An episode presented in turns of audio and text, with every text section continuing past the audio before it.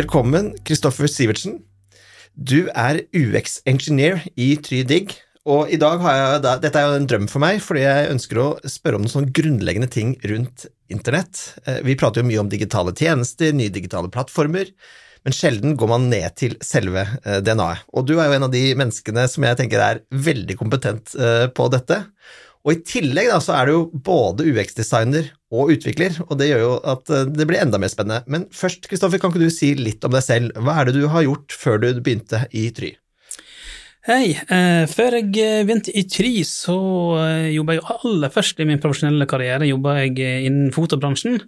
Eh, da gjorde jeg egentlig det samme, for da var jeg, u, altså var utdanna som grafisk designer, interaksjonsdesigner, da. men jeg var jo òg interessert i teknologi. Så jeg, eh, eh, jeg programmerte litt òg. Eh, og det er jo egentlig litt uh, spennende, for at det at en, en, som kommer egentlig fra designfaget, uh, mm. også blir utvikler, er jo veldig komplementært i forhold til hva veldig mye av markedet nå uh, etterspør. Men hvis jeg kan spørre deg, er du utvikler som har da blitt UX-er, eller er det UX-er som har blitt utvikler? Hva ville du sagt da? jeg tror jeg egentlig er en UX-er som har blitt utvikler. Uh, men interessen for utvikling og teknologi har alltid vært der. Ja. Men kan du eh, kort si, hva er det fagområdet ditt eh, handler om? Det er jo et stort fagområde, eh, men det handler jo eh, Mye med det jeg jobber med til daglig, handler jo om å få ideene ut i livet. Eh, og det handler litt om det å eh, ha gode diskusjoner rundt løsningene, og, og det å faktisk sette opp løsningene, programmere dem, og men òg det å eh, eh, sikre at de fungerer etter vi har glemt dem.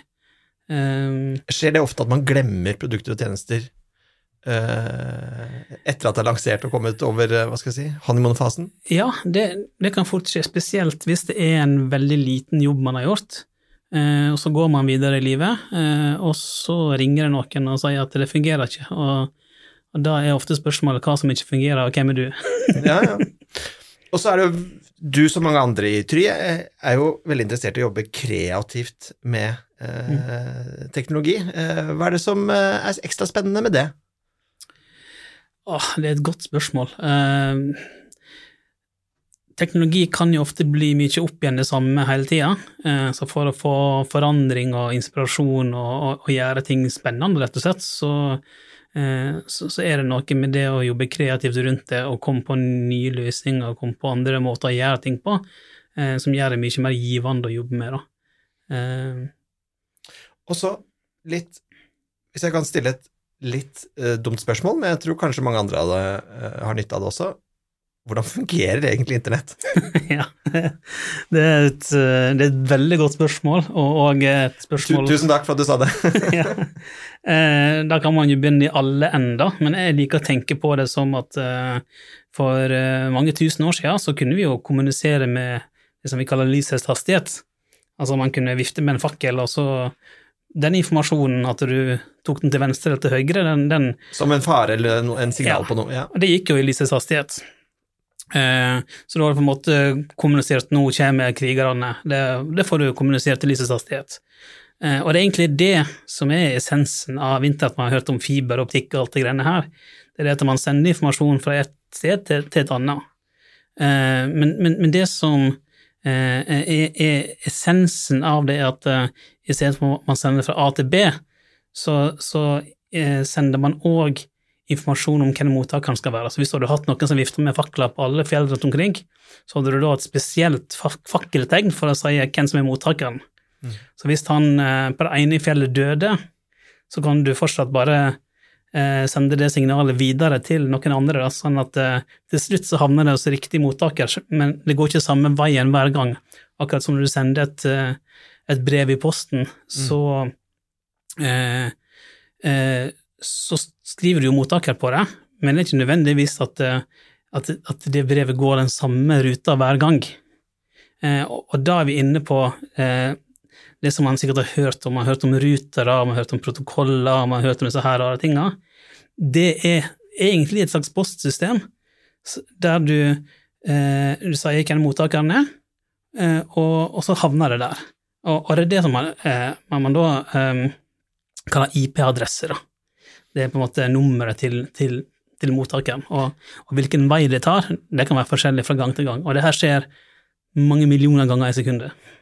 Og i og med at vi er eh, lukket bare vi to uh, inne i et rom, så kan jeg fortsatt uh, stille deg litt sånn uh, litt dumme spørsmål. Ja, ja. Det er jo da, um, hvordan, hvordan, er det transistorer fungerer, og microchipper, eller mikrochipper? Altså, hva er, det, hva er, historien bak dem? Ja, altså, det er jo det man kaller semiconductors på engelsk, da. Men det betyr egentlig at du kan kontrollere et signal med et annet signal. Og det her, det her skjer ikke i med lys enda. Eh, det skjer med, eh, med elektro, eh, altså elektrisitet. Så det som skjer, er at du kan, du kan styre et annet signal med et annet, og, men med lysets hastighet. Og, og, det er det som skjer da bare ganger mange millioner inn i en sånn liten chip. Uh, og da har du det, det som heter logic gates og sånt, men det blir for avansert her. Men poenget er at du kan Eh, gjøre alle disse tingene som, som, postmannen på en måte gjør for å få brevet til riktig plass. Det skjer veldig veldig fort inni en sånn chip. Og her kan du egentlig si, her har det vært en rivende utvikling eh, mm. de siste, ofte de siste månedene, er vel det vi snakker om nå. Ja. Men hvor, hvor, hvor, stor, hvor, rivende utvikling har det vært altså i forhold til utvikling av, av chipper? Eh, det tok jo veldig av fra når de eh, fant eh, opp transistoren eh, Alle har sikkert hørt om selskapet Intel. Eh, og, det var de som da tok liksom og lagde mange sånne transistorer inn, inn i én chip.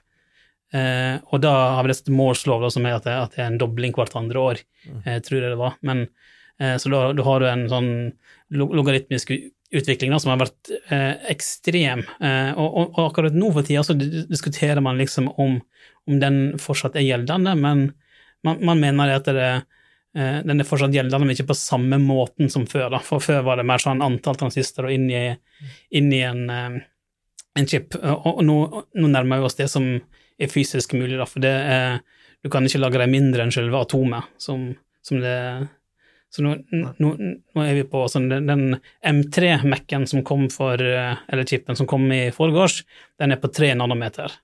Ja, det er lite, det. det er lite. Det kan man ikke se. Nei, nei, nei, ikke sjans. Men ok, jeg, jeg fortsetter. Uh, og så har du uh, dette som er uh, protokoller. Altså, jeg lurer på protokoller, mm. og jeg lurer på sant, hva er det som skjer når du egentlig taster inn en lenke, og det har en relevans i dette. Ja, altså, internett som vi kjenner det, vi kjenner det som weben. men det er jo egentlig bare en, en, protokoll, som det heter. Og en protokoll kan du si er slags, et slags regelsett om hvordan man skal kommunisere. Uh, og, uh, og, den mest kjente den ser man ofte i nettadressen i dag. Der står det HTTP, som betyr Hypertext Transfer Protocol. Uh, og hypertext det er det som nettsidene består av, som heter HTML. Det har man sikkert hørt om mange ganger. Og det er et, et, et tekstdokument som sier hva som er overskrift, hva som er et bilde, hva som er en paragraf, og den type informasjon om, om innholdet. da. Jeg kunne jo faktisk HTML eh, eh, på et tidspunkt. Jeg tror ikke jeg ville våget meg ut på det i dag, og det måtte man jo kunne før, før du hadde avanserte CMS-er. Ja, ja. Men jeg mange lurer jo også da på ikke sant, hva er det grunnleggende sett ved et uh, CMS? Altså, hva er egentlig den Hvilken jobb er det en CMS gjør? I hovedsak Og det står for? Ja, det står for uh, Content Management System. Uh, og det er eh, et system eller en nettside eller et, eh, altså et verktøy du bruker eh, for å eh, jobbe med innhold, da. Eh, og det kan òg være at andre logger seg inn og jobber med innholdet, men det er på en måte der, der innholdet eh, ligger. og content kan jo være så mye, altså det kan være tekst, det kan være bilder, det kan være video, altså det, det, det er veldig generelt, da, så det her er liksom hvordan man skal Eh, det er på en måte et verktøy man bruker for å jobbe med innholdet. Da. Eh, og nå for tida så er det litt sånn at uh, du, du, har en nettside som du kanskje ser på mobilen, du har en nettside som du kanskje ser på, på den store skjermen, kanskje det dukker opp i en app på en TV, kanskje det skal skrives ut. og da har man dette her som man kaller strukturerte data, da, at man prøver liksom å, å, å si det, det essensielle i innholdet. da. Man sier ikke gjerne at uh, eh, det bildet her skal stå til høyre her. Man sier at det her er et bilde, den skal være i den teksten her, og det skal høre til noe tekst til bildet. Og så er det opp til om det er på TV, eller om det er på mobil, eller om det er på en, en laptop, hvordan det skal presenteres. da. Så grunnleggende sett så er da et CMS måte å håndtere innhold på uten at du trenger å være utvikler, og riktig plassering rundt omkring på ulike flater. Ja, det, Som gjør jobben lett for meg, selv om jeg ikke er da type teknolog. Ja, det er essensen. ja. Og så er det jo da debatt i de mange miljøer, ikke sant? for her kommer det da bør man ha et hodeløst headless CMS og ikke? Kan du liksom hjelpe meg, guide meg i den debatten? Jeg liksom har på følelse at jeg bør være veldig for headless og si at eh, det som ikke er headless, er eh, gammeldags tenkning. Ja. Men jeg trenger å speede opp argumentasjonen min. Ja, altså, Det er mange måter å se det på. Du kan se det fra et teknisk perspektiv, som, som, eh, som er gøy, men du kan også se det fra et strategiperspektiv. Og da kan du tenke på det som at eh, produkt som er headless, eh, f.eks. sånn som eh, CMS, da, eh, det handler da bare om den delen å eh, jobbe med innholdet, men det presenterer ikke innholdet. Eh, sånn som de, de, de første CMS-ene man brukte, da var gjerne nettsida knytta opp mot det, da.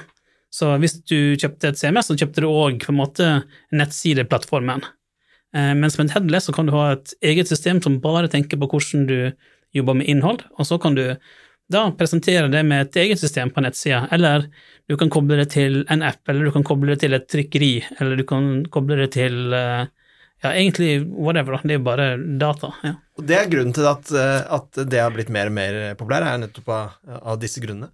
Ja, eh, for eh, på 90-tallet så, så, var det bare aktuelt å få det opp på den nettsida, og alle hadde lik eh, PC, alle hadde en 14-tommer sikkert, og nettsidene så mer og mindre like ut. Men så kom det mobiltelefoner, og så kom det apper, og så kom det behov for å få ut innhold i andre kanaler, og, og da måtte man plutselig bygge om disse systemene, og, og, da skjønte man det at ja, headless er lurt, vi bare tenker på innholdet. Tusen takk for at du eh, ga meg en god forklaring på ting jeg lurte på, så ses vi igjen. Ja. Tusen takk, Kristoffer. Bare hyggelig. Hvis du vil lære mer om dette temaet, kan du enten gå inn på try.no, eller ta kontakt med fagpersonen du nettopp hørte. Kontaktinformasjon finner du i episodebeskrivelsen.